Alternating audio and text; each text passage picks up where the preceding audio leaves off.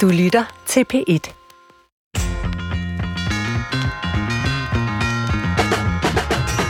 I dagens udgave af Brinkmanns Brix skal vi sige farvel til det herrens år 2021. Jeg må indrømme, jeg har lidt svært ved at skelne imellem, hvad der skete i 2020 og hvad der skete i 2021, for det hele flyder lidt sammen i en stor coronasuppedags, og det føles på mange måder som déjà vu at stå her igen midt i en tid med høj smitte og restriktioner. Som forberedelse til dagens udsendelse måtte jeg slå op i arkiverne for at finde ud af, hvad det reelt er for et år, vi har gennemlevet.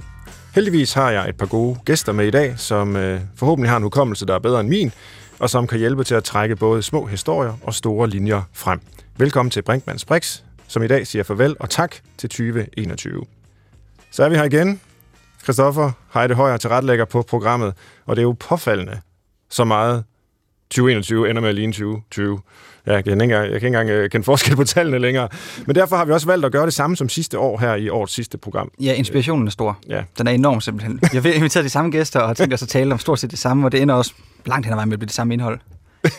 Eller hvad? jeg tror du ikke? Jeg ved det jo ikke. Nej, men hvad, hvad er det har... uforudsigelige? Altså, menneskelige samtaler er uforudsigelige. Der er altid et uforudsigeligt element. Det er sandt, det, det kan vi, set det kan det vi læne os op af. Ja. Ja. Men trods alt, Svend, tænk dig lidt om 2021. Hvordan har din sindstemning været? Har du været... Vi snakkede jo for et år siden om, at nu bliver det bedre. Der er håb forude. Alt Ja. er godt. Lige om lidt. Ja. Har det været sådan... Oplevede du, at nu kører det? Det kører på skinner igen. Ja, altså, jeg var jo øh, nok latterligt optimistisk der, hvor det endte med, at regeringen erklærede, at, øh, eller Folketinget, at øh, corona ikke længere er en samfundskritisk sygdom. Der var jo meget lave smittetal. Mm. Størstedelen af befolkningen var vaccineret. Øh, og så kom den her infame nye variant. Øh, og så lige siden, der har jeg kæmpet lidt med øh, mit mindset, for at tale øh, nudansk. Ikke? Altså, skal vi ligesom acceptere, at øh, det her det er bare den nye måde, det skal være på. Øh, Mm. Kan jeg acceptere det? Har jeg overhovedet noget valg? Må jeg bare acceptere, at vi måske hver eneste vinter får sådan nogle bølger her, nye varianter, som vaccinerne ikke umiddelbart virker ret godt imod, og så skal de så finjustere, og så skal vi have dem igen, og så kører det rundt på den måde. Eller kan man stadigvæk håbe på, at vi på en eller anden måde får en situation, der ligner 2019, 2018, 2017, og, og den vej De igennem? gode gamle dage. Ja, ja, vi, det ved vi jo ikke, men, øh, men det er som om, det står og vibrerer lidt der øh, på en knivsæk. Ikke bare ude i den store verden, men også for mig personligt. Øh, jeg ved egentlig ikke helt, hvor øh, jeg skal lægge min, i hvilken kurv jeg skal lægge mine æg. Jeg kan huske på et tidspunkt for et par måneder siden, der, øhm, der sagde du, jeg tjekker stadigvæk smittetallene. Ja, jeg ved det har jeg ikke, gjort hele hvorfor. vejen igennem. Og, øh, du har jo fulgt med. Du har, ligesom, Ja, ja. du har ikke helt forladt coronaland. Altså, du er Nej, det har en jeg af ikke. de få, jeg kender, der sådan stadigvæk blev ved med at have et eller andet blik på det, dengang, hvor at jeg i hvert fald følte mig lykkelig befriet for, for al den snak. Ja, men jeg har siddet og fulgt med og sat små knappenål i nærmest, altså ligesom du ved under krigens tid, ikke, hvor man fulgte troppefremrykningerne, og man hørte om i radioen. Og, Oberst så- Hagel. Ja, ja, sådan noget. Jeg har siddet og lavet mine, øh, mine små notater løbende. Øhm, Og, men altså, hvorfor har du ikke forladt det? Hvorfor var du ikke bare lykkelig og holdt EM sommer med alle os andre og tænkte, det, det her det bliver ikke bedre, det bliver ikke større og mere fantastisk, vi er fri, endelig. Jamen, ja, du kom, det kommer nemt til at lyde utroligt bagklogt, ikke? Øh, hvad sagde jeg-agtigt? Men øh, altså, jeg har jo hele tiden haft den her frygt for, at der vil komme en variant, som vaccinerne stort set ikke virkede imod. Hmm. Øh, de virker jo så, øh, men, men ikke mod smitten i særlig høj grad, hvis overhovedet, øh, men de virker mod sygdom. Øh, så derfor har jeg aldrig helt tur at sige, okay, nu er det slut. Øh, vi ved jo også historisk, ikke? Altså den spanske syge, 100 år siden, godt og vel, den tog tre vintre, har jeg lavet mig fortælle. Og det her det er jo faktisk kun vinter nummer to i Danmark med coronavirus. Så vi skal nok i hvert fald indstille os på, at næste skal- vinter, der laver vi det samme Program. det samme øh, nytårsprogram øh, med, med, med de samme gæster. Dem vil vi så altid gerne have med og møde, jo. Ja. Øh, men desværre også med de samme temaer. ja. Nå, hvad er det så, vi skal snakke om i dag? Jamen, det er jo status på året, der er gået. Øh, både de her store øh, de ydre begivenheder, men også øh, hvordan vi som mennesker reagerer, kan reagere. Øh, noget, jeg personligt er meget øh, man sige, nervøs for lige nu, bekymret over, det er konfliktniveauet i befolkningen. Altså, hvor længe kan vi holde til det her? Øh, Men in Black, øh, konspirationsteoretikere, alle mulige øh, mobiliserer på den ene side, det vil jeg gerne høre øh, panelets holdning til. På den anden side er der tanker også øh, reelt i nogle europæiske lande, tvangsvaccinering nu, som jeg synes øh, er utrolig skræmmende. På den anden side, så det er som om, der er nogle fronter, der bliver trukket utrolig skarpt op, bare som et eksempel på noget af det, jeg synes, vi skal ind på i dag.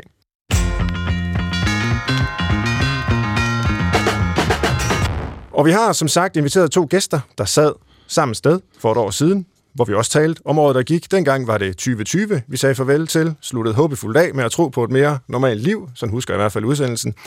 Lad os høre, hvad vores gæster øh, siger her et år efter. Velkommen til øh, professor ved Københavns Universitet, leder af Center for Information og Boblestudier, Vincent Hendricks. Tak. Dejligt, du være med, Vincent. Tak fordi jeg måtte. Og øh, vores anden gæst er jo så bestyrelsesformand for netmediet Zetland, øh, og siden sidst også Danmarks Medie- og Journalisthøjskole. Er det ikke korrekt? Også formand for det. Jo, også formand jo, for det, og du siger formand, Lea Korsgaard. Ja, fordi i den her øh, queer-tid, der kan alle jo være mænd. Ja, det er selvfølgelig en, en pointe, ja. Men så lad mig begynde med dig, Lea. Øhm, kan du huske for et år siden? Kan du huske, hvilke forventninger du havde til det år, vi jo nu så har gennemlevet? Ja, jeg kan huske tristessen sidste vinter 2020. Den her sådan udmattelse. Øh, og jeg kan huske forhåbningen om, at nu vil alt vende, fordi nu var vaccinerne begyndt at rulle ud. Det var de nemlig. Øh, det, den, det kan jeg huske. Og så kan jeg jo konstatere, at alligevel så føles det som, øh, som om det, det her det er en genudsendelse, vi er på vej til at lave. Ja. Øh, og min tristesse er faktisk større end sidste år. Sidste år, der var det eksotisk. Tristessen var eksotisk. Det var første gang, sådan, at jeg i hvert fald i mit voksne liv havde oplevet sådan en verdenshistorisk begivenhed, der havde hensat mig i den der øh, øh, blå, triste øh, følelse. Nu er det ikke eksotisk længere. Mm.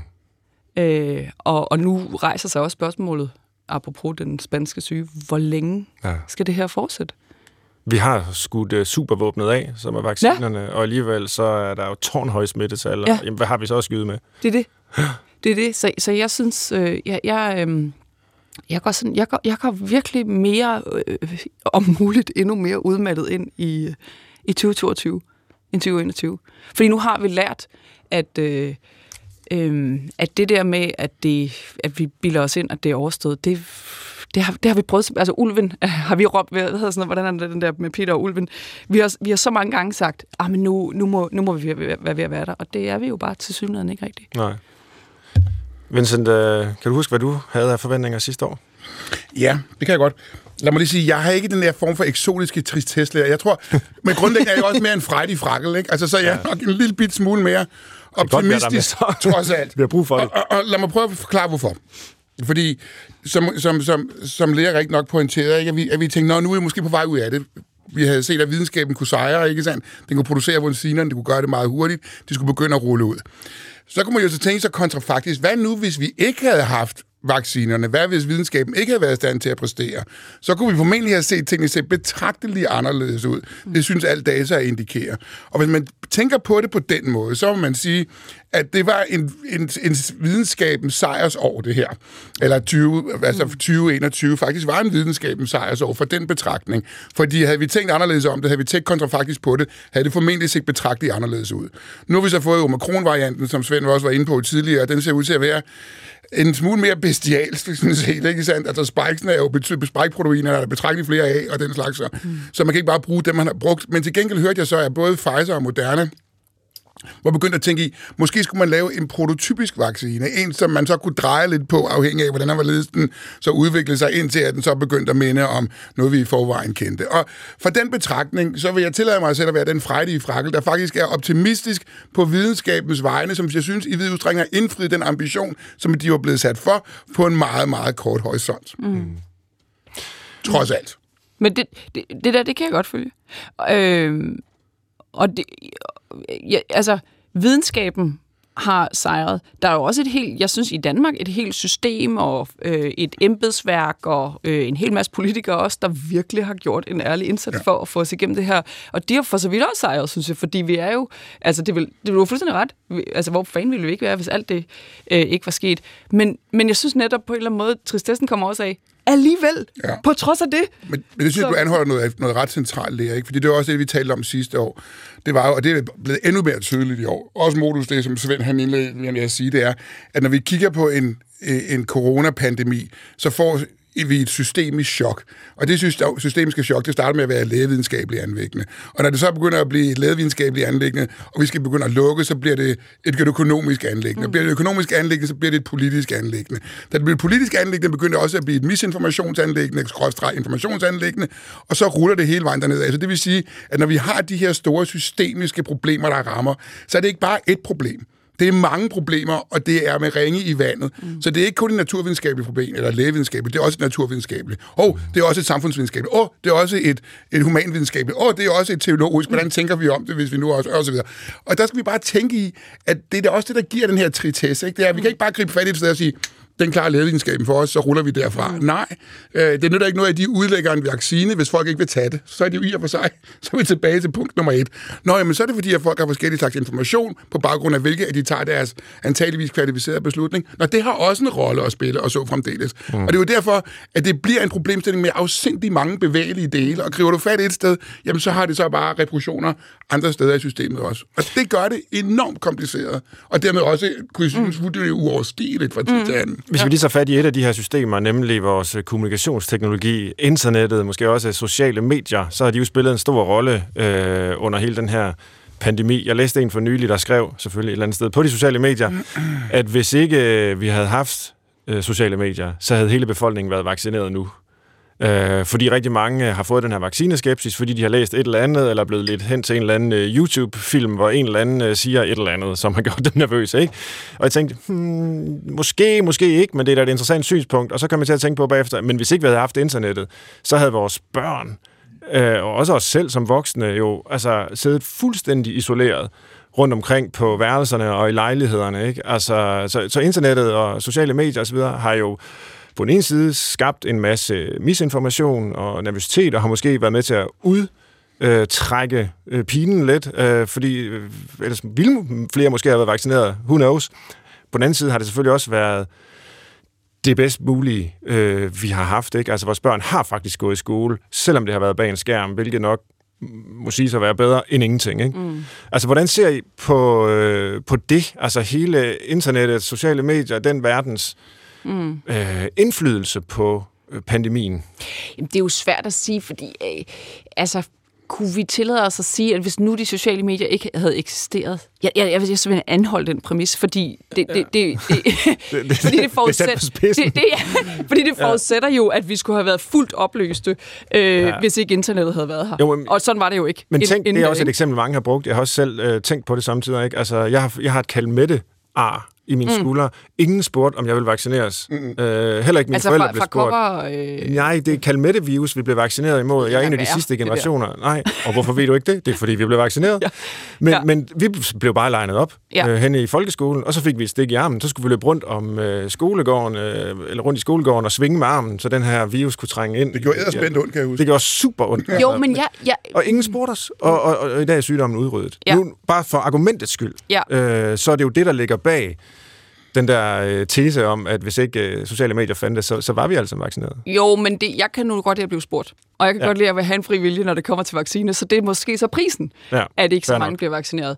Og, øh, og jeg, synes, det, jeg synes, det er lidt mere mudret. Altså, jeg er selv vaccineret. Min, mine unger skal... Øh, min, min far er på vej til at køre mine unger til, til vaccination as we speak. Så de skal også vaccineres. Men jeg synes faktisk, især hvad børnene angår, det ikke har været et nemt valg. Mm. Øh, fordi at de jo bliver vaccineret på kollektivets vegne, ikke på grund af deres egen fysiologi og biologi. De, de kunne ja. sagtens have, have klaret sig med en, med en, øh, coronavac- eller hvad hedder det, med en coronasygdom. Øhm, så jeg, jeg synes bare, det er lidt mere modret end som så. Og jeg synes, man skal passe ret meget på med at putte dem, der ikke lader sig vaccinere, eller deres, deres børn øh, vaccinere, i, i, i gruppen af uoplyst pøbel. Fordi det tror jeg øh, medvirker til det, du talte om før, Svend, nemlig den her polarisering mellem befolkningerne, at vi bare står og råber hinanden, og slet ikke forstår hinandens verdensbillede. Jeg kan egentlig godt forstå dem, der har valgt ikke at lade, vac- lade deres børn vaccinere. Øh, og, og jeg tror, at rigtig mange gør det på et oplyst grundlag. Ja. Og det tror jeg, det gør mig ikke til anti waxer at sige det. Nej, nej, nej, bestemt ikke. Hvad siger du, Vincent? Du har jo været professionelt beskæftiget med at studere misinformation og sociale medier. Jamen, jeg er sådan set glad for, at du tager det op, Svend, og jeg er, glad, og jeg er også ærgerlig over, at du tager det op, fordi det, det kunne vi jo snakke om. Altså, men, ja. Camilla og jeg, vi kom jo faktisk i 2021 med den her bog her, Sandhedsministeriet Tech-platformenes indflydelse ja. på tidens faktafortællinger og følelser. Du har den, men det har Lea ikke, så her er Leas adventsgave, så tak. 5. søndag i anveden, ikke? Nå, øhm, Sandhedsministeriet, det hedder den i uh, Big Ja, men det er, det er heller ikke tilfældigt, at det hedder okay, yes, men lad nu ja. det ligge. Yes. Men vi har jo faktisk studeret det her, Camilla og jeg, ganske indgående omkring konspirationsteorier og misinformation i forbindelse med, øh, i forbindelse med coronapandemien. Og der har jo været øh, adskillige, meget forskellige arter og meget øh, innovative konspirationer af den ene og den anden type. Alt fra, at det var Bill Gates i den ene ende, til det var EU's hævn for Brexit og så fremdeles, ikke sandt?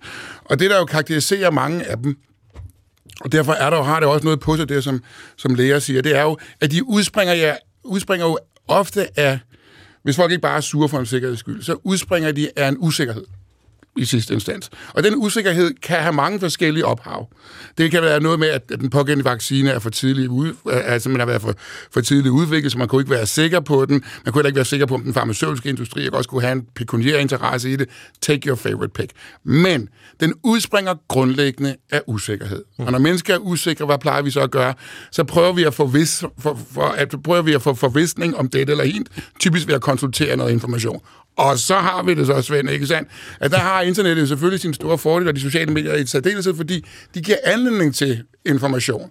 Der er bare ikke så mange nødvendigvis checks and balances på den her information, og som Camilla og jeg jo også viser i Sandhedsministeriet, altså der er også en pekuniær interesse i, at der er rigtig meget information derude, og folk de deler det rigtig meget, fordi opmærksomhedsøkonomiske forretningsmodel, den tilsiger bare, at det er sådan, der. Mm. Og at der er penge i det, for at sige det som det er. Og det fik vi jo også at vide i 2021, da Francis Haugen, whistlebloweren fra Facebook, var ude at sige, prøv lige at se her. Altså, de har til tider sat rigtig mange andre hensyn med, hen til, med henblik på at få meget på bundlinje. Og så sker der altså også en ting i 2021. Nu er jeg jo halvt dansk og halvt amerikansk, og jeg er den, jeg skal være den første til at sige, jeg er ikke den store tilhænger af Donald J. Trump. det Når det er så er sagt, så vil jeg så sige følgende. Den 7. januar 2021, der skete der noget skældsættende i verden. Den 6. januar, der har vi stormløb på kongressen. Mm. Den 7. januar, der ryger Trump af samfulde sociale medier fra TikTok i den ene ende til LinkedIn den anden. Og så kan man jo se med meget om Donald J. Trump, som man i øvrigt måtte mene. Men folkevalgt, det var han trods alt. Og det vi lige pludselig ser, det er, at en gruppe tech-giganter beslutter sig til at sige, nu frarøver vi ham den stemme til det offentlige rum. Og det betyder jo i vid udstrækning, at vi har fået en situation, hvor det offentlige rum i vid udstrækning er kommet på private hænder. Og hvis man havde spurgt Kant og Rousseau og Montesquieu og resten af oplysningstænkerne om, hvorvidt det offentlige rum skulle på private hænder, så er de svaret med et bestandt og rungende nej. Fordi der er ikke nogen, der må have special, der er ikke nogen, der må have special vilkår i det her rum. Det er også derfor, det danske vejnet ejes af den danske stat. På den måde er vi borgere lige, lige som borgere. Og det betyder altså, at der er nogen, der beslutter, og det demonstrerer vi systematisk i den der bog, Camilla og jeg, at der er nogen, der beslutter, hvad det er, der kommer på dagsordenen, hvad det er, der får opmærksomhed, hvad der ikke får lys, og hvem der i lov får en stemme og ikke får en stemme. Og der er det altså desværre bare således, og så skal jeg nok tige stille i øvrigt, så er det bare således, at tendensen har været, at der bliver skruet op for lyset for det, som larmer rigtig meget. Og det er simpelthen fordi, at der er rigtig mange penge at tjene i det. Fordi opmærksomhed, for modellen er simpel. For folk til at generere noget, opmærk- noget information, som andre folk bruger deres opmærksomhed på, det giver anledning til engagement. Engagement, det giver trafik. Trafik, det giver data. Data, det kan du høste, analysere og sælge til annoncørerne. Bang.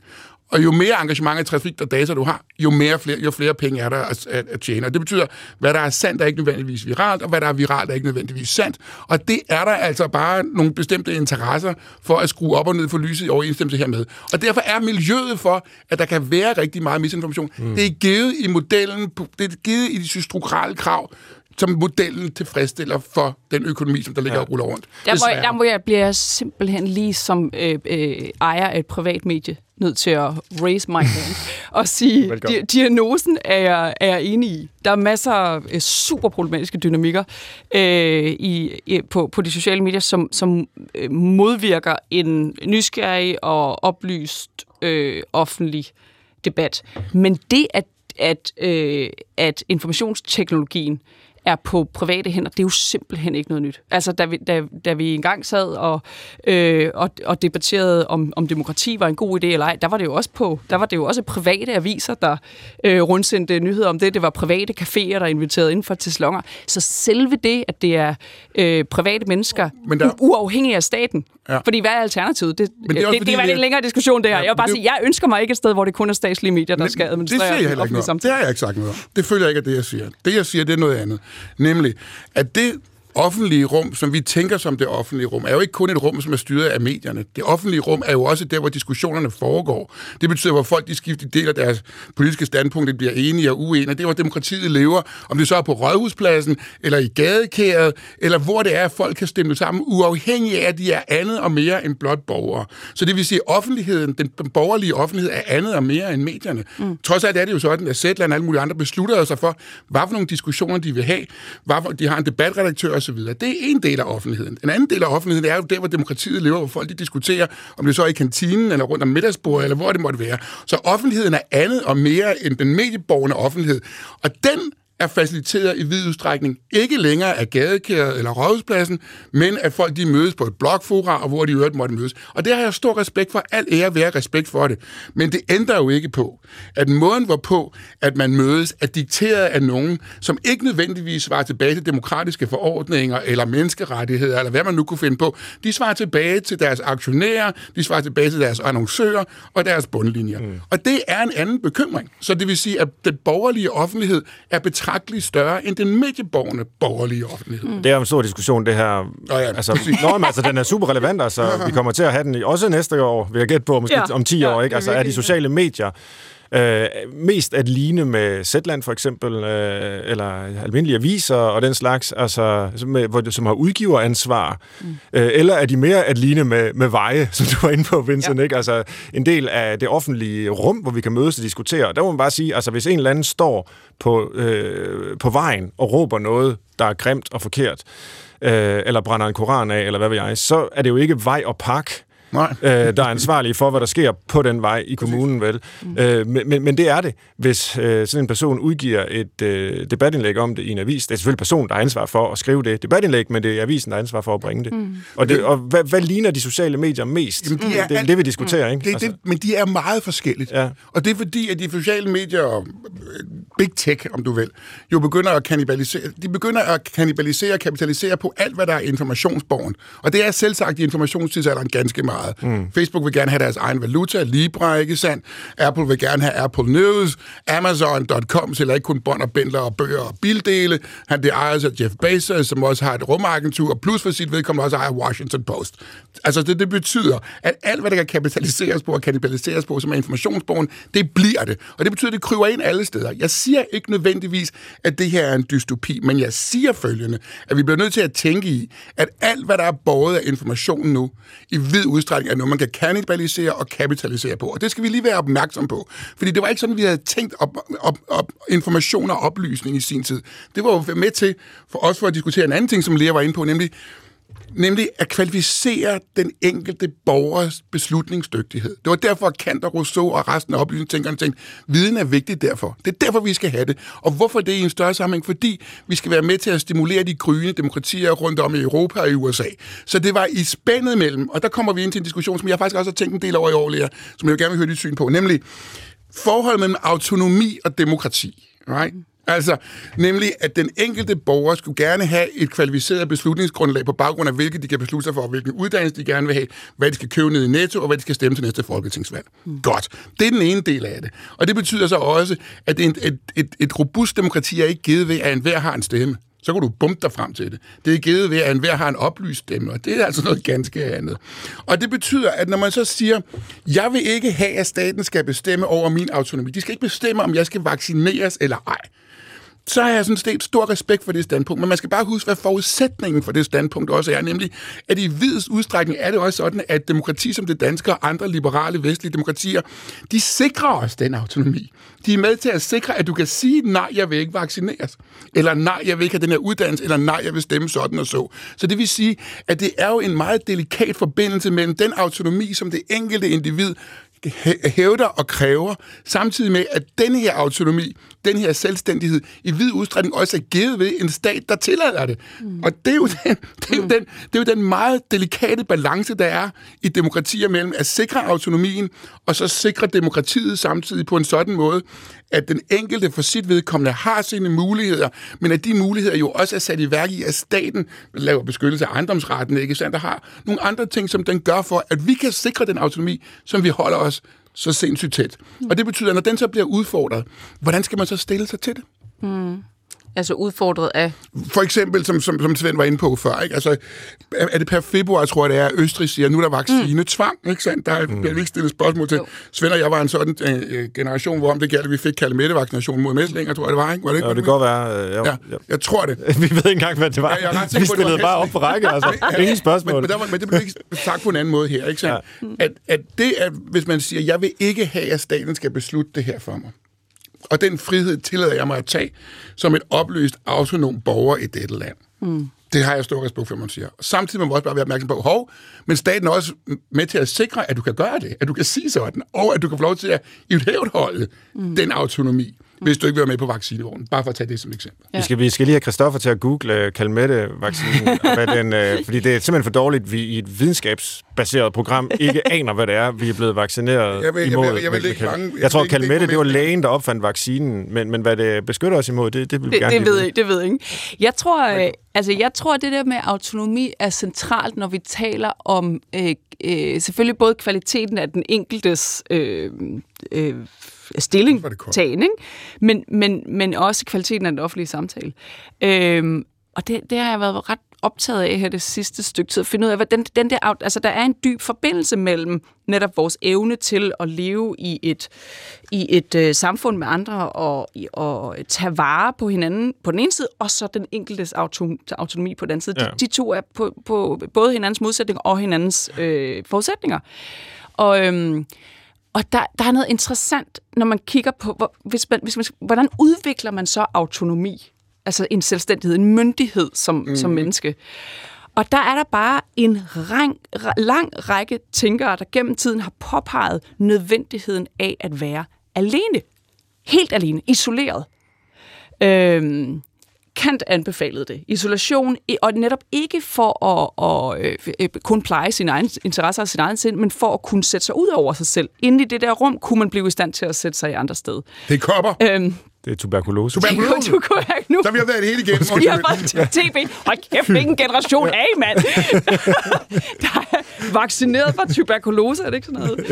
Det, det, tid. tilbage i uh, mellem, mellemkrigstiden. Undskyld, Nå, men, nå, men øh, prøv at høre, listen er lang af, af tænkere, der har, der har sagt, for at udvikle autonomi, skal du være alene i isolation. Fichte, den store øh, øh, tyske tænker, han sagde, et ungt menneske, han sagde et ung mand, men han mente forhåbentlig et ung menneske, for at udvikle autonomi, skal du flytte hjemmefra. Mm. Øh, du, skal, øh, du skal helt fysisk flytte hjemmefra ind på dit eget værelse, og så skal du sidde derinde og skal læ- læse bøger, fordi det er sådan, du bliver i stand til at bringe dig selv øh, i samspil med resten af verden. Øh, øh, Virginia Woolf så har jo skrevet en hel bog, der hedder A Room of One's Own. Hvis du skal være en kvindelig forfatter inde, mente hun, så skal du have dit eget værelse, både i økonomisk forstand øh, og fysisk forstand, men jo også mentalt. Hannah Arendt, øh, Hannah- åndens ja. liv, handler om det samme på en måde. Ja, Ja. det er ja. rigtigt, lige præcis. Så, så den der, den der nød, altså pegen på nødvendigheden af isolationen for at kunne forstå resten af verden, er jo i dyb modstrid med rigtig mange af vores hverdagspraksiser, når vi, når vi beskæftiger os med, eller er på de sociale medier i dag. Enig. Vi, vi er konstant, øh, vi, vi er konstant eksponeret for andre mennesker, vi lader os eksponere for andre mennesker. Det rum, hvor vi udvikler vores autonomi, er troet, tror jeg. Og det, i, i virkeligheden tror jeg, at det er noget af nøglen til den her lidt hissige, øh, øh, uforsonlige debat, der findes lige for tiden. Det er, fordi vi for lidt trækker os ind i os selv Ja. og, øh, og øh, øh, kontemplerer derinde. Men kan vi det sidde på hver vores lille værelse øh, med de her nedlukninger og restriktioner? Jamen, det men, gør vi men, jo så men alligevel vi gør det for netop at koble Ja. os på alt muligt Ja, bras, ikke? måske skulle Altså, vi have udnyttet tiden ikke? Ja. til netop at, at, at lukke skodderne. Ja. Interessant det her, fordi autonomi, som I taler om øh, som et oplysningsideal, altså, det betyder jo egentlig at være selvlovgivende. Mm. Og ligesom kunne nedfælde de love, hvor efter man vil leve sit liv. Mm. Øh, og, og så er hele dynamikken, som I begge to berører, vel den, at for at være selvlovgivende, og for at blive i stand til at, at leve på den måde, jamen så må man anerkende det udenom en, som ja. muliggør. Altså, staten, som du taler om, Vincent, øh, alle mulige, der kan mm. danne en, øh, altså, til at blive det. Så ja. vi, vi, vi kan ikke være det i, i isolation. Jo, måske der på værelset, men vi kan kun gå hen på værelset, fordi der er nogen, der har vist os derhen. Ikke? Ja. ja, og det er inde på det værelse, du også, du også for, øh, kan tilegne dig viden om den verden, der ligger uden for din egen erfaringsrum. Ja. Øh, rum. ja. ja, forbundet med det faktum, at man kan formentlig ikke man kan ikke blive dannet eller myndig alene. Nej. Men man kan forudsætningerne for at blive dannet og myndig er mange af dem, hvor man kan erhverve sig alene. Fordi mm. det kræver trods alt også din egen selvindsigt. Ikke? Altså det er stadigvæk oraklet for Delphi, som er usikker her, ikke? Kendt dig selv, er jo også forudsætningen for, at man også kan sætte sig i andre sted. Mm. At du kan agere i lyset af, at der er andre til stede. Så det er jo så det er den der dobbeltbevægelse, at myndigheden, at autonomien ligger, at dels at man har, kender sig selv, men dels også, at man kan agere i den, i den offentlighed, som man også er en del af. Og, og dermed er der den pushback-relation, hvor man så hele tiden justerer i forhold til hinanden, uden at det betyder, at man mister sig selv. Mm. Kan vi lige prøve at summere lidt op? Uh, nu har vi talt om uh, corona, vi har talt om uh, offentligheden og sociale mediers betydning for den. Uh, og før vi går videre, så kunne jeg tænke mig at høre jer ad, altså, er der sket andet? Du nævnte uh, stormen på kongressen og, og Donald Trump, der blev forvist fra de sociale medier. Men hvad er der ellers sket i 2021? Jeg har simpelthen svært ved at komme... Jo, så har der været kommunalvalg. Uh, det er selvfølgelig også en stor ting, men altså...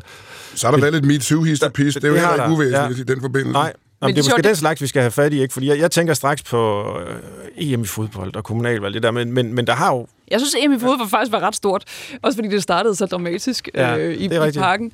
Øhm, ja, der var Bidens indsættelse. Ja.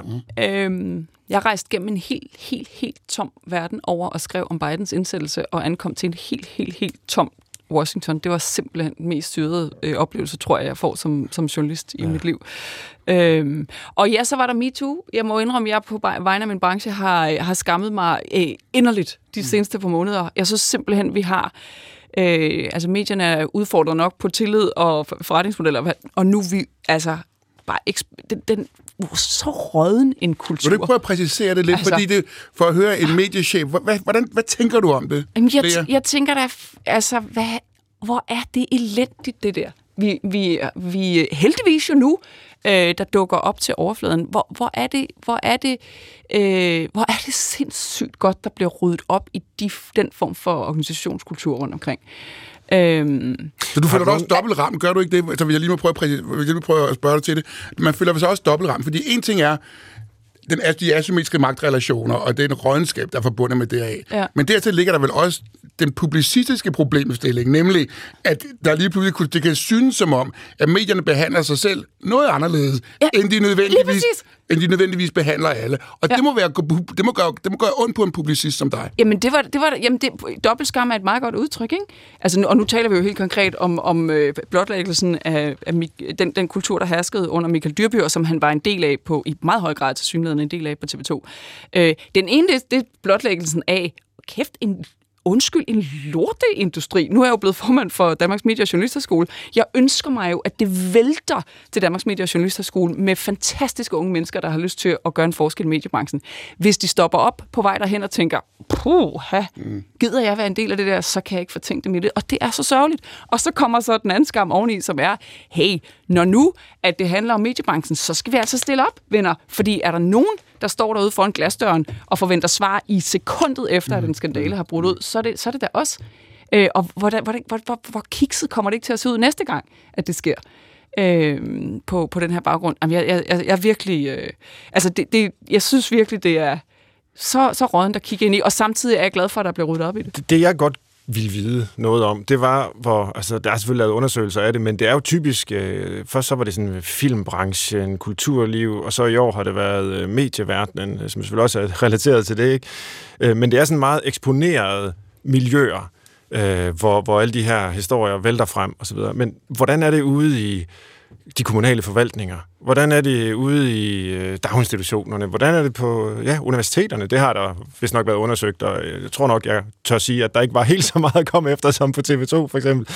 Men, men, men altså, det jeg tror, jeg spørger om, det er, har I nogen fornemmelse af, hvor udbredt et samfundsmæssigt problem det her er? Øh, eller er det noget, der altså, i særlig høj og betændt grad gør sig gældende i nogle bestemte brancher, hvor der måske er nogle særlige dynamikker omkring, ligesom man sagde i gamle dage, journalisterne var også dem, der drikker flest bajer, der drikker flest bajer også øh, til, til en almindelig arbejdsfrokost og sådan noget. Ikke? Altså, er der et eller andet ved de miljøer, der gør det særlig... Øh, der, der, der, hvad kan man sige, øh, der danner særlig grobund for, for den her slags, øh, eller hvad? Jeg, jeg, tror, jeg tror, det findes, øh, eller har, har eksisteret i al, ikke alle steder, men, men, øh, men, i, men mange steder.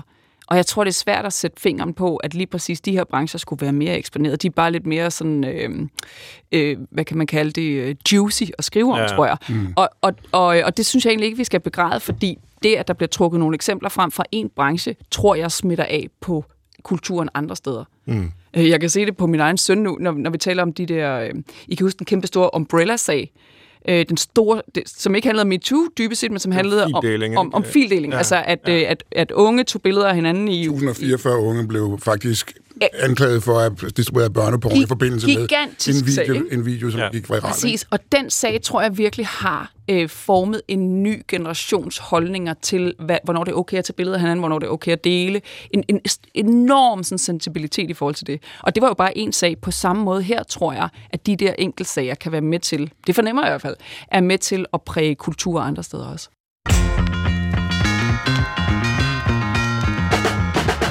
I dag i Brinkmanns Brix siger vi farvel til 2021 og goddag til 2022. Og det gør jeg sammen med professor ved Københavns Universitet og leder af Center for Information og Boblestudier Vincent Hendricks og med bestyrelsesformand for Zetland, Lea Korsgaard. Og for sidste gang i år, så vil også tilrettelægger Christoffer Heide Højer komme med en klog, indsigtsfuld og begavet kommentar.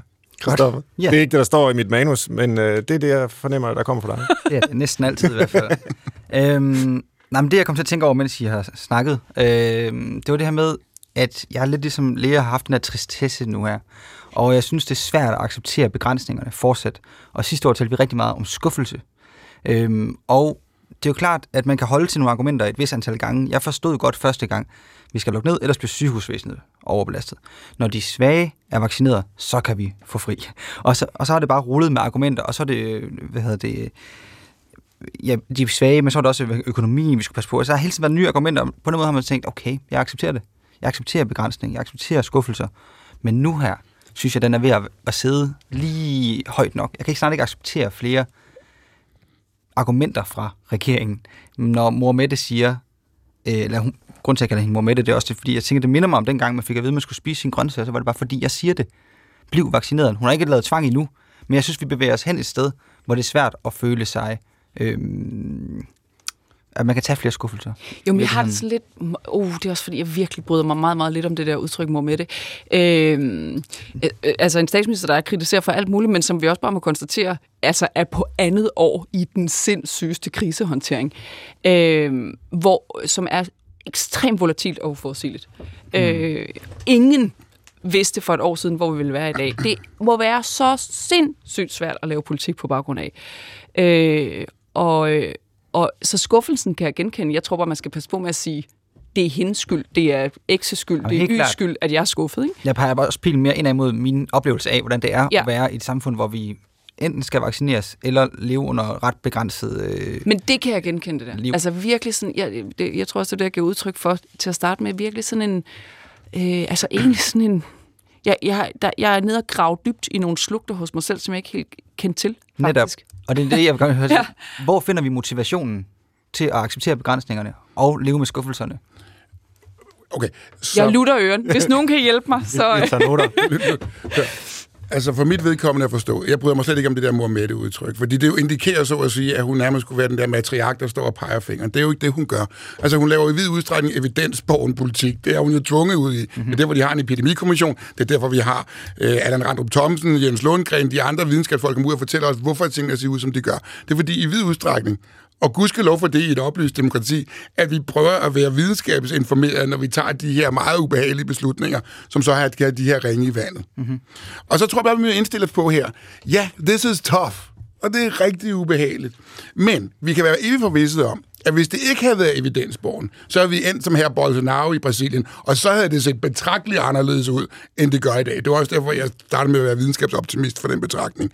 Og når vi kigger på os selv i den her sammenhæng, og det er jo ikke altid noget, som er så frygtelig let for os, det er, at hvis vi vælger at sige, nå, men jeg forsøger at maksimere egennytten for mig selv, det gør jeg. Og det gør alle andre også. Og der kan vi meget hurtigt nå ud i fangernes dilemma, således at hvis vi alle sammen forsøger at maksimere egennytten for os selv, så ender vi et dårligere sted, end vi kunne have gjort, havde vi valgt at arbejde sammen. Og det er selvfølgelig ikke sådan et, et, spilteoretisk argument, man kan sidde over morgenkaffen og så overbevise sig selv om at tænke, så gør det for resten. Men, men det, hvor vi skal hen, det er jo, og det bliver vi jo nødt til at erkende med systemiske kriser. Det gælder også om klima, det gælder migration og flygtninge, det gælder verden som spændende sundhed, det gælder dem alle sammen. Skal vi ud af dem, skal vi løfte i flok. Vi skal hen til hjortejagten, hvor vi kan ødelægge et større bytte sammen, end vi kan hver for sig. Og hvis vi tænker på det på den måde, så er mit lille bidrag insignifikant. Men hvis alle tænker, at der er et lille bidrag insignifikant, så kommer der ingen forskel, og så bliver det altså med betydeligt længere udsigter. Så for den betragtning er jeg villig til at sige, Godt. Jamen, så tager vi en tur til i møllen, fordi hvis alternativet er, at det enten tager endnu længere tid, eller vi ikke løser problemet, så er jeg i hvert fald ikke med på den del af vognen, trods alt. Og det hjælper ikke, når jeg sidder og kigger, som vi jokede med i starten, at man lige pludselig nærmest ser tumbleweed ned ad Stor Kongeskade, fordi der ikke er et øje, og, og trafiklys bare står og blinker, fordi der ikke er nogen. Men når det så i øvrigt er sagt, så heller det her scenarie, og så med henblik på, som vi også talte om sidst, prøv at høre, hvis vi vælger at kigge på det på, på den anden måde, så har vi den situation, at så kan vi lige så godt til at være apatiske. Hvilken forskel gør det? Det er ligegyldigt. Det spiller ingen rolle, hvad jeg gør. Mm. Tænker vi alle sammen sådan, så ender vi i problemet. Og det betyder, at måden, hvorpå vi kommer ud af det, ja, det er jo dels ved samarbejde, og så er det altså, jeg er ked af at sige det, eller glædelig over at sige, der er en grund til, at Barack Obama kaldte sin kampagne i sin tid for Hope. Altså håb. Og det var typisk fordi, at det er en aktivitetsmobiliserende følelse, som vi kan samles om. Og vi får brug for den. Og det er ikke kun på corona. Det er også på klima og migration og flygtning og verdensudspændende sundhed.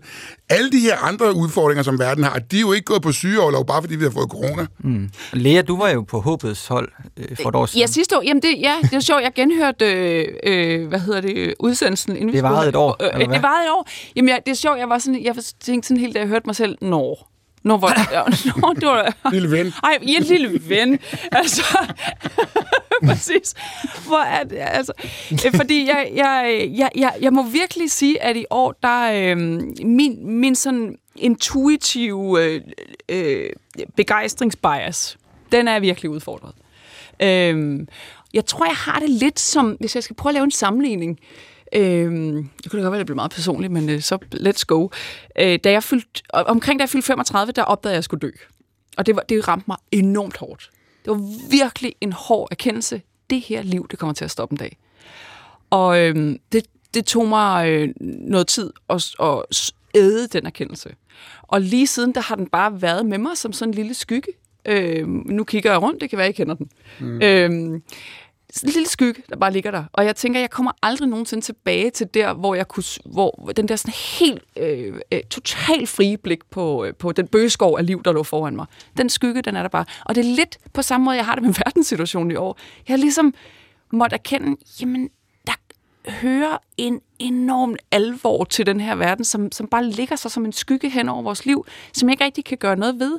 Men skyggen kommer måske også med muligheden for noget erkendelse, noget øh, taknemmelighed over det, der så er. Altså, den, den kommer jo med et potentiale, men men du kan ikke få skyggen til at gå væk. Men jeg kunne spørge psykologen om, er der ikke potentiale Eller hvad? i ja. den der... Hallo, Gud, ja, vi, vi har privat konsultation her. Altså, vi har jo en øh, efterhånden tusind lang eksistensfilosofisk tradition, hvis man regner for eksempel de gamle stoikere med, som nogen, der sagde, husk, du skal dø, med mento mori, og ja. selvfølgelig eksistensfilosofien fra Søren Kierkegaard, Heidegger og alle dem der, som jo altså, også siden eksistenspsykologer, øh, jeg lover vil nogen måske kende, ikke, som ligesom gjorde et nummer ud af at sige, det er netop den her øh, bevidste forholden sig til din egen endelighed, der gør, at du kan leve øh, friere på en måde. Mm. Øh, selvom det er jo en begrænsning, men så erkendelsen af den begrænsning gør, at du tager dit liv mere alvorligt. Øh, mm. For du kan ikke bare gøre alting om uendelig mange gange. Og det, som jeg er utrolig... Øh, øh, altså, ja, det er meget inspirerende at høre det, du siger, Lea. Altså, fordi om vi kan overføre den erkendelse øh, til den situation, vi mere kollektivt står i. Mm. Altså, tænk, hvis vi har lidt et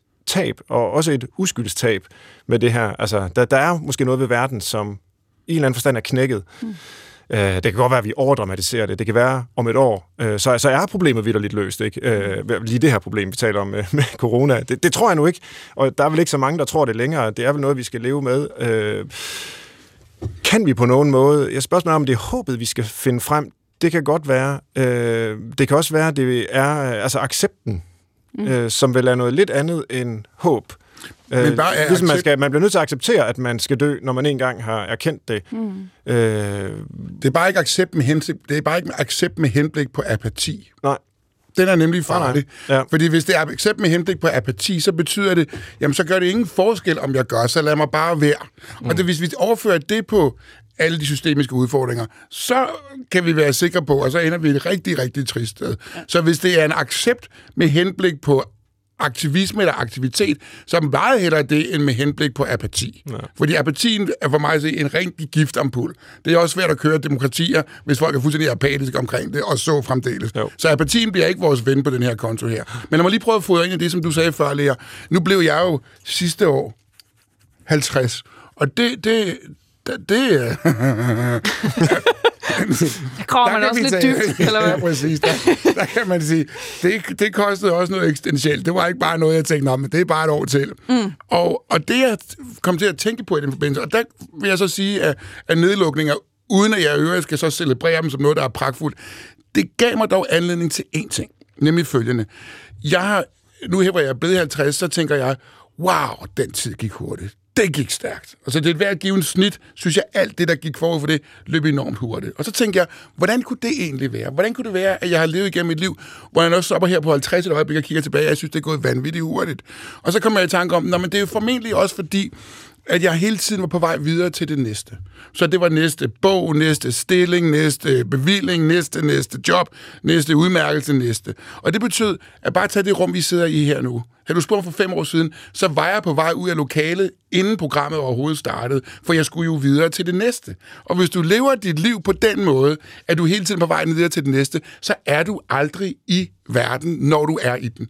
Og så går tiden stærkt. Så det, jeg besluttede mig for, at det var noget af en regime, det var noget af en regimenteøvelse for mig selv, det var at sige, nu er jeg her sammen med Oliver og Svend og Lea og undertegnede, til vi er færdige. Og det giver sig selv på et tidspunkt. Men så er jeg her. Og så bekymrer jeg mig om, hvad jeg så vil. Og det har faktisk betydet, at min perception af, hvor hurtigt tiden går, den er faldet. Mm. Den går, jeg, den, jeg føler, det, at den går langsommere. Jeg ved godt, at det store ur, det tigger jo under alle omstændigheder, så det har jeg ingen indflydelse på. Men min percep- personlige perception af tidens tand, den er faktisk skruet ned. Og det har faktisk været et lille lyspunkt i en nedlukning, hvor om ting, hvor verden i øvrigt stod rimelig stille. Der gav det mig anledning til at tænke i, men det er ikke så tosset for betragtningen om, at det betyder faktisk, at livet går lidt langsommere i min perception af den. Og det er godt, for jeg er grundlæggende ligesom Ingeborg Skjern af Matador. Jeg elsker at leve.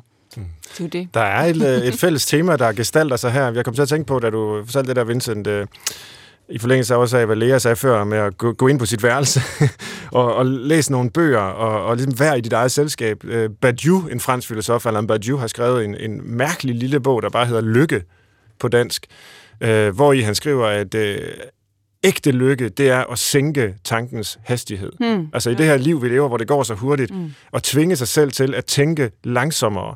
Øh, og han vil jo som filosof sige, at det kan filosofien hjælpe os med, fordi det er sådan nogle evige spørgsmål, som vi ikke rigtig finder en løsning på, men alene det der at dvæle ved dem inde i det der aflukkede rum, mm. øh, i sit eget tankemæssige selskab, det er der en sand lykke ved. Eller det, det er der, den sande lykke simpelthen er. Mm.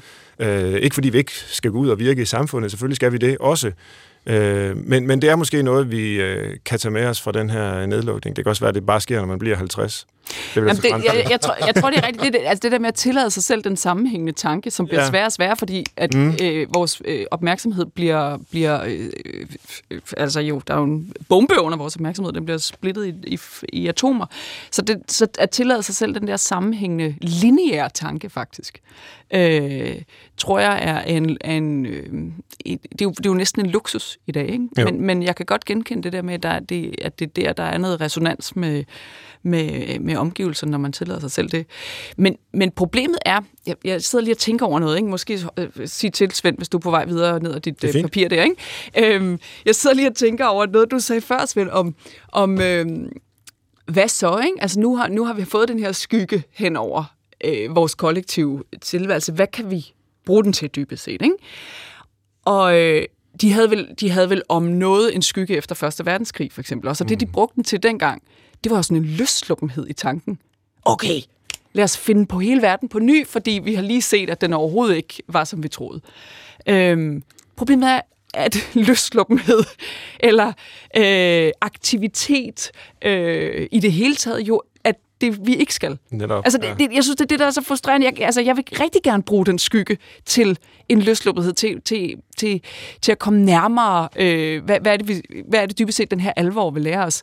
Men, men vi er bare tvunget til at gøre det hjemme i striksokker. Mm. Og det, det, det, det, det er der, min tristest kommer ind Ja. i billedet. Ikke? Det er Så- så... godt nok svært. Mange journalister har spurgt mig, om, øh, om jeg forudser de brølende 20'er, ikke? Altså med henvisning til netop det, Ja, du peger på, Lea, efter øh, Første Verdenskrig, og jo, jo også den spanske syge, ikke? yes, Men, øh, præcis. ja, så, så kom de brølende 20'er med alt, hvad, hvad det gav, gav øh, sig, ikke? Og man siger, jamen, hvis vi hele tiden kan se ind i, som det hedder med et moderne udtryk, mm. øh, at der kommer en ny variant, og det bliver det samme, og så videre, altså, så tør man jo ikke at gå i gang med at brøle.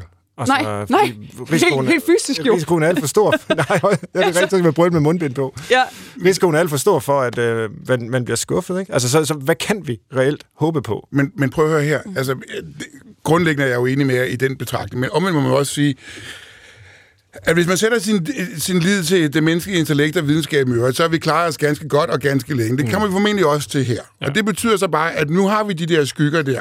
Og de skygger kommer til at tegne sig i noget tid. Men i de skygger, der kommer også solglimtet. Der var trods alt en sommer. Og den sommer, den belignede noget, som vi havde kendt. Mm. Det kan godt være, at det var nogle, nogle nye betingelser, men det var der trods alt. Mm. Og så ved vi så, at når vi efterhånden, så vi skulle være mere sammen, og vejret blev dårligere og alt det andet, så har vi så konsekvensen af dag på anden vis. Og det betyder, undervejs, indtil vi når derhen, hvor om det gælder, at vi faktisk så kan sige, okay, nu kan vi erklære det her for et problem, der er løst. Så er der alle de andre, som vi så kan bekymre os om. Så er der trods alt lysstråler også ved samme lejlighed. Så jeg har fuldstændig at forstå fuldstændig tritessen, der kommer nu, men den kommer jo også på enden af noget, hvor om det gælder, at der trods alt var noget, hvor der stadigvæk var et lys. Ja. Altså så, så vi kan sagtens male billedet på en sådan måde, at det bliver meget, meget mørkt. Ja. Ja. Men vi kan også lige tænke, ja, men vi kommer formentlig også ud på den anden side, og undervejs så er der altså også et lys, der bliver tændt i ny og næ. det plejer at være sådan noget, det jeg siger. Det er helt bare... Altså, det, jeg, jeg, Men så er jeg glad for, at jeg har taget Ja, din rolle i dag. ikke Men det, var- det var vildt for mig, at det ikke er det, Jeg kan ikke sige det der i dag. Nej. Men det, men det er fedt at høre. Men- tak.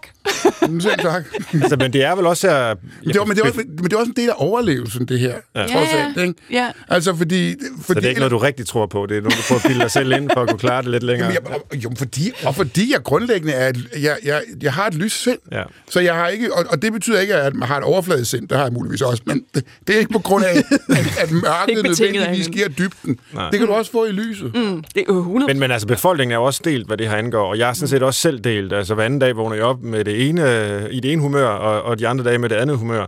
Øh, Der er helt sikkert nogle af lytterne nu, der vil sidde derude og tænke, ej, nu må de godt nok, altså, hold op, det er nogle forkælede mennesker. Kan de ikke øh, bare holde den situation ud, vi har Ja. nu, og lidt mundbind, og Øh, Ja. Så blusser smitten op. Altså, prøv at høre. Der er folk i verden, der har det meget, meget værre, og der er borgerkrig, og der har været verdenskrig, og det ene og det andet. Altså, den reaktion får man ganske tit, og det, Mm. den skal man selvfølgelig også tage alvorligt. Der er noget fornuft i den, synes jeg.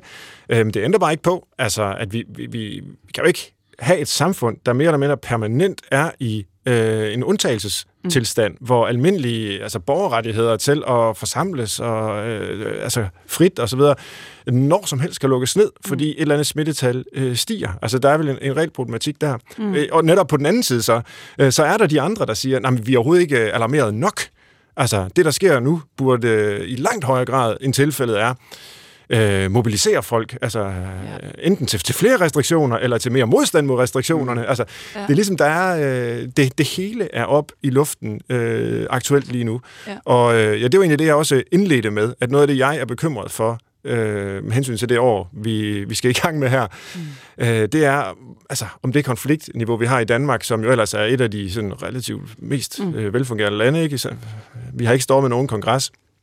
Øh, hvordan tror I, det vil gå med, med niveauet af konflikt i, øh, i befolkningen simpelthen? Jamen igen, jeg kan, i dag der kan jeg ikke rigtig være øh, den optimistiske, kan jeg mærke, øh, fordi jeg deler din, både analysen eller, det, eller blikket på, på, hvad der sker, øh, og måske også dermed bekymring, eller helt klart dermed også bekymring. Det er sådan lidt som om, vi er i sådan et træt parforhold med hinanden. Mm. Øh, alle er udmattet, ikke?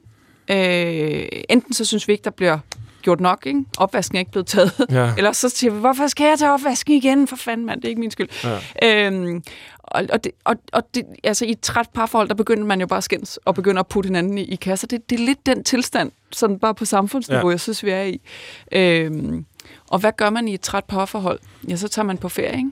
Jamen, det er måske en meget god pointe, det der, Lea, fordi der er ligesom to muligheder i det der parforhold. Ja. Enten så tager du på ferie og prøver at få det til at fungere, eller også så tænker vi, nå, der er vores sorte vand. Jeg tror, det må være inde på historien, vi finder på noget andet hver især. Ikke? Mm. Den mulighed har vi ikke med at finde noget på hver andet hver især, når det lige præcis gælder corona, fordi den er ret ligeglad med, om du skifter partneren ud, eller så har den bare en ny mutation. Så den løsning er der ikke. Ja. Men man skal nok huske på, at uafhængig af, hvem vi er, modus den polarisering, som han taler om før, så vil vi samme mål. Mm. Vi vil gerne af med det her. Vi vil gerne ud af det her. Vi vil gerne have gjort... Vi vil gerne, så, så forskellen kan jo være, at hvor det i parforhold kan være, at den ene trækker, jeg vil ikke, og den anden siger, jeg vil gerne, og så kan du have de trækasserier, der er forbundet med. Du kan også have den situation, at begge to gerne vil, men den eneste måde, de så kommer videre med det parforhold, det er, at de så arbejder sammen, selvom det bliver rigtig trættende af at skulle tage de her diskussioner om opvasken, hvad der måtte være. Og lidt det samme i den her situation. Uafhængig af, om du er for eller imod restriktioner, for eller imod bla, så vil vi grundlæggende det samme. Mm. Og det er i hvert fald et godt sted at starte en lille bygning på. Mm. Trods alt, hvis vi ville noget meget forskelligt, ville det være betragteligt mere besværligt at koordinere. Vi er sådan set allerede ved vejs ende. Det har været øh, utrolig spændende og berigende at tale med jer. Kan I komme meget kort afslutningsvis med tre input til gode ting, I tør drømme om, der sker i det kommende år? Så slutter vi af som de gode, positive psykologer, vi er, eller i hvert fald gerne vil være her. tre gode ting, I tør drømme om for det kommende år. Ej, vi- kan vi ikke starte hos Vincent? Jo, lad os en gang. Du er virkelig ramt i det her. Det. præcis, Ja, præcis. Jo, men så lad mig fortsætte.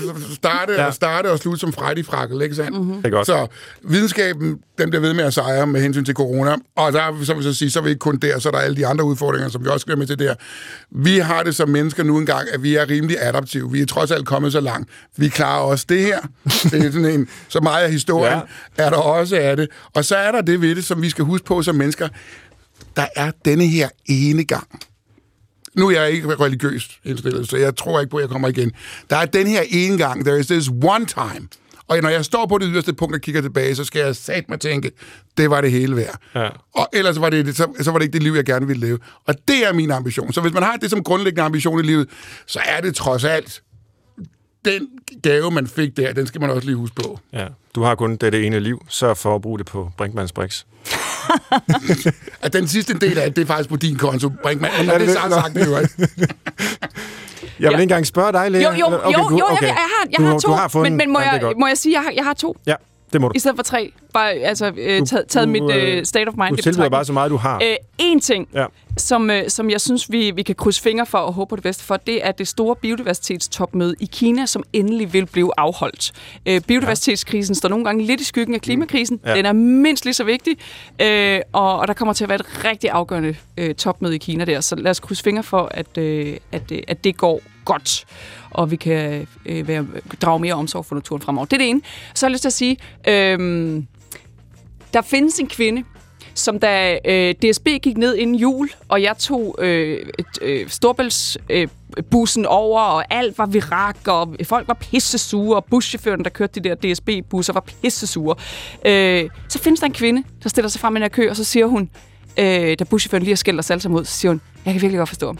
Det må virkelig have været en hård dag for ham. Mm. Og så tænker jeg, ej, det der, det er den rigtige indstilling til livet. Og hun findes, og det gør mig håb. Det er smukt. Tak for den. og tak til jer begge to. Og tak til lytterne, der har lyttet til Brinkmanns Brix på P1, hvor gæsterne i dag var professor ved Københavns Universitet og leder af Center for Information og Boblestudier Vincent Hendricks og bestyrelsesformand for netmediet Zetland og samme for Danmarks Medie- og Journalisthøjskole Lea Korsgaard. Jeg vil godt sige godt nytår fra vores lille redaktion, bestående af tilrettelægger Christoffer Heide Højer og som mig selv. Vi har aldrig før fået så mange mails på brinkmannsbrix.dr.dk, som vi har i det seneste år. Det er vi enormt glade for. Og selvom vi ikke når at svare på alle øh, henvendelserne, så håber vi, at I bliver ved med at kommentere på vores indsats. Kom gerne med forslag til programmer og gæster. Vi er rigtig glade for, at vi også skal sende hele 2022 på P1 og i DR Lyd. Tak for i dag. Gå på opdagelse i alle DR's podcast og radioprogrammer. I appen DR Lyd.